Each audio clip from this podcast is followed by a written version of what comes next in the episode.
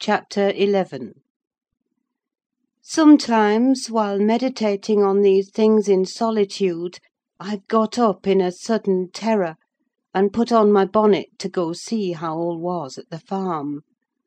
I've persuaded my conscience that it was a duty to warn him how people talked regarding his ways; and then I've recollected his confirmed bad habits, and, hopeless of benefiting him, have flinched from re entering the dismal house, doubting if I could bear to be taken at my word. One time I passed the old gate, going out of my way, on a journey to Gimmerton. It was about the period that my narrative has reached: a bright, frosty afternoon; the ground bare, and the road hard and dry. I came to a stone where the highway branches off on to the moor at your left hand: a rough sand pillar, with the letters W. H. cut on its north side; on the east, G., and on the south west, T. G. It serves as a guide post to the Grange, the Heights, and village. The sun shone yellow on its grey head, reminding me of summer; and, I cannot say why, but all at once a gush of child's sensations flowed into my heart. Hindley and I held it a favourite spot twenty years before. I gazed long at the weather worn block, and, stooping down, perceived a hole near the bottom, still full of snail shells and pebbles, which we were fond of storing there with more perishable things; and, as fresh as reality, it appeared that I beheld my early playmate seated on the withered turf, his dark square head bent forward, and his little hand scooping out the earth with a piece of slate. "Poor Hindley!" I exclaimed involuntarily. I started: my bodily eye was cheated into a momentary belief that the child lifted its face and stared straight into mine. It vanished in a twinkling, but immediately I felt an irresistible yearning to be at the Heights. Superstition urged me to comply with this impulse. Supposing he should be dead, I thought; or should die soon? Supposing it were a sign of death? The nearer I got to the house, the more agitated I grew; and on catching sight of it, I trembled in every limb. The apparition had outstripped me: it stood looking through the gate. That was my first idea, on observing an elf locked, brown eyed boy setting his ruddy countenance against the bars. Further reflection suggested this must be Hareton: my Hareton; not altered greatly since I left him, ten months since. "God bless thee, darling!" I cried, forgetting instantaneously my foolish fears. "Hareton, it's Nelly! Nelly, thy nurse!" He retreated out of arm's length, and picked up a large flint. "I'm come to see thy father, Hareton," I added, guessing from the action that Nelly, if she lived in his memory at all, was not recognised as one with me. He raised his missile to hurl it. I commenced a soothing speech, but could not stay his hand. The stone struck my bonnet, and then ensued, from the stammering lips of the little fellow, a string of curses, which, whether he comprehended them or not, were delivered with practised emphasis, and distorted his baby features into a shocking expression of malignity. You may be certain this grieved more than angered me. Fit to cry, I took an orange from my pocket, and offered it to propitiate him.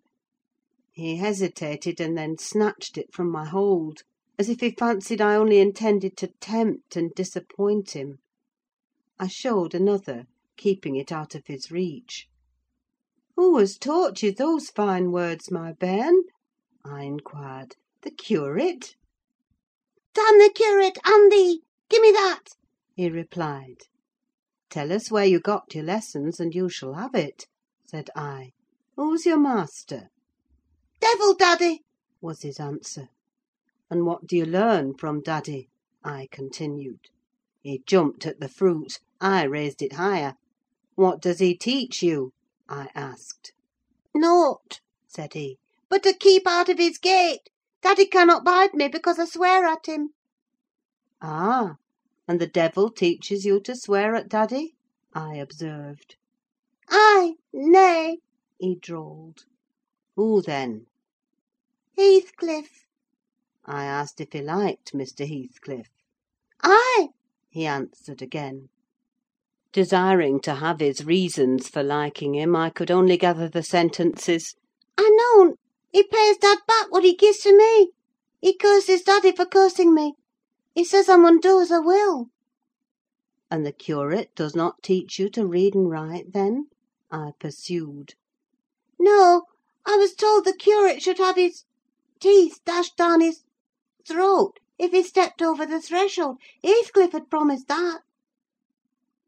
I put the orange in his hand, and bade him tell his father that a woman called Nelly Dean was waiting to speak with him by the garden gate.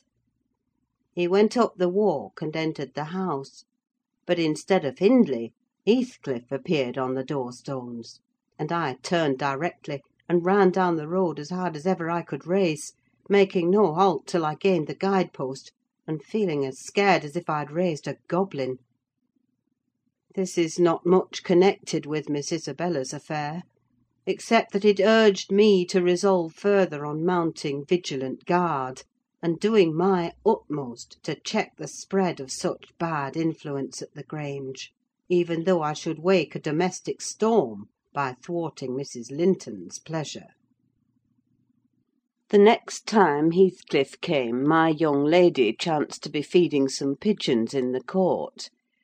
She had never spoken a word to her sister in law for three days, but she had likewise dropped her fretful complaining, and we found it a great comfort. Heathcliff had not the habit of bestowing a single unnecessary civility on Miss Linton, I knew. Now, as soon as he beheld her, his first precaution was to take a sweeping survey of the house front. I was standing by the kitchen window, but I drew out of sight. He then stepped across the pavement to her, and said something. She seemed embarrassed and desirous of getting away. To prevent it, he laid his hand on her arm. She averted her face: he apparently put some question which she had no mind to answer. There was another rapid glance at the house, and supposing himself unseen, the scoundrel had the impudence to embrace her. "Judas! Traitor!" I ejaculated. "You are a hypocrite, too, are you? A deliberate deceiver!" "Who is Nelly?"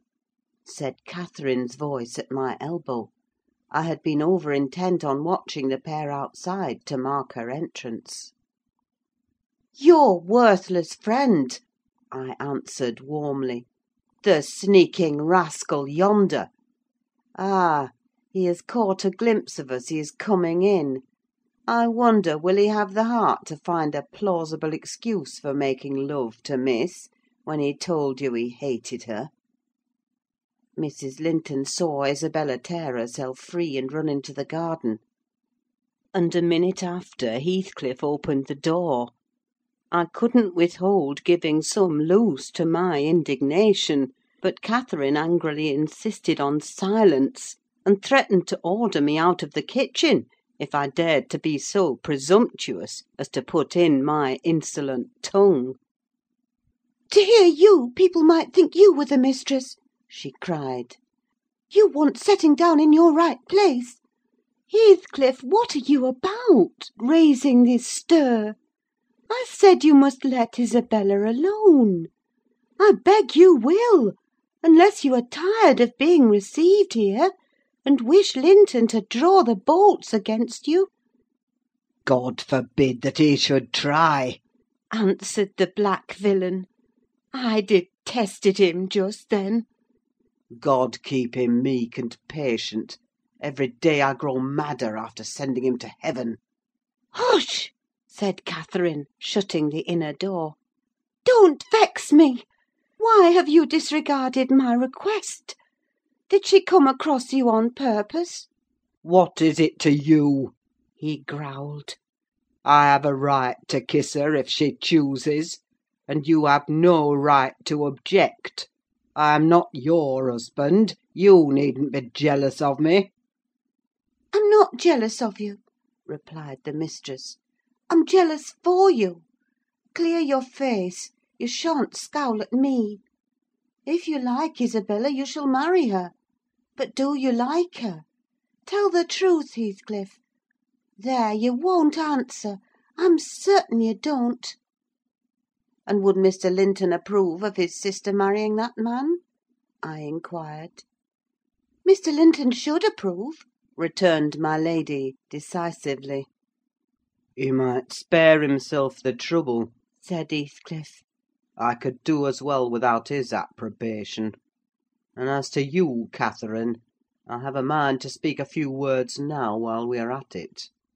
I want you to be aware that I know you have treated me infernally: infernally, do you hear? And if you flatter yourself that I don't perceive it, you are a fool. And if you think I can be consoled by sweet words, you are an idiot.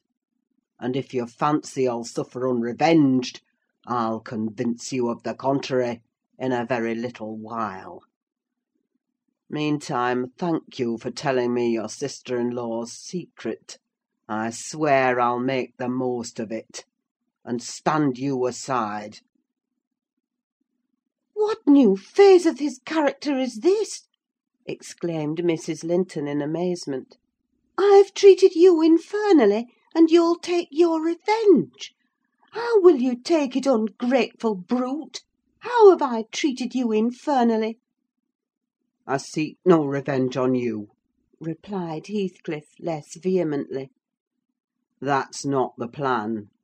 The tyrant grinds down his slaves, and they don't turn against him: they crush those beneath them. You are welcome to torture me to death for your amusement. Only allow me to amuse myself a little in the same style, and refrain from insult as much as you are able. Having levelled my palace, don't erect a hovel, and complacently admire your own charity in giving me that for a home. If I imagined you really wished me to marry Isabel, I'd cut my throat." "Oh, the evil is that I am not jealous, is it?" cried Catherine. "Well, I won't repeat my offer of a wife: it is as bad as offering Satan a lost soul. Your bliss lies, like his, in inflicting misery: you prove it. Edgar is restored from the ill temper he gave way to at your coming: I begin to be secure and tranquil; and you, restless to know us at peace, appear resolved on exciting a quarrel. Quarrel with Edgar if you please, Heathcliff, and deceive his sister. You'll hit on exactly the most efficient method of revenging yourself on me. The conversation ceased. Mrs. Linton sat down by the fire, flushed and gloomy. The spirit which served her was growing intractable: she could neither lay nor control it. He stood on the hearth with folded arms, brooding on his evil thoughts; and in this position I left them to seek the master, who was wondering what kept Catherine below so long. "Ellen!" said he, when I entered. "Have you seen your mistress?" "Yes, she's in the kitchen, sir," I answered. "She's sadly put out by Mr. Heathcliff's behaviour; and indeed I do think it's time to arrange his visits on another footing. There's harm in being too soft, and now it's come to this." And I related the scene in the court, and, as near as I dared, the whole subsequent dispute. I fancied it could not be very prejudicial to Mrs. Linton, unless she made it so afterwards by assuming the defensive for her guest. Edgar Linton had difficulty in hearing me to the close.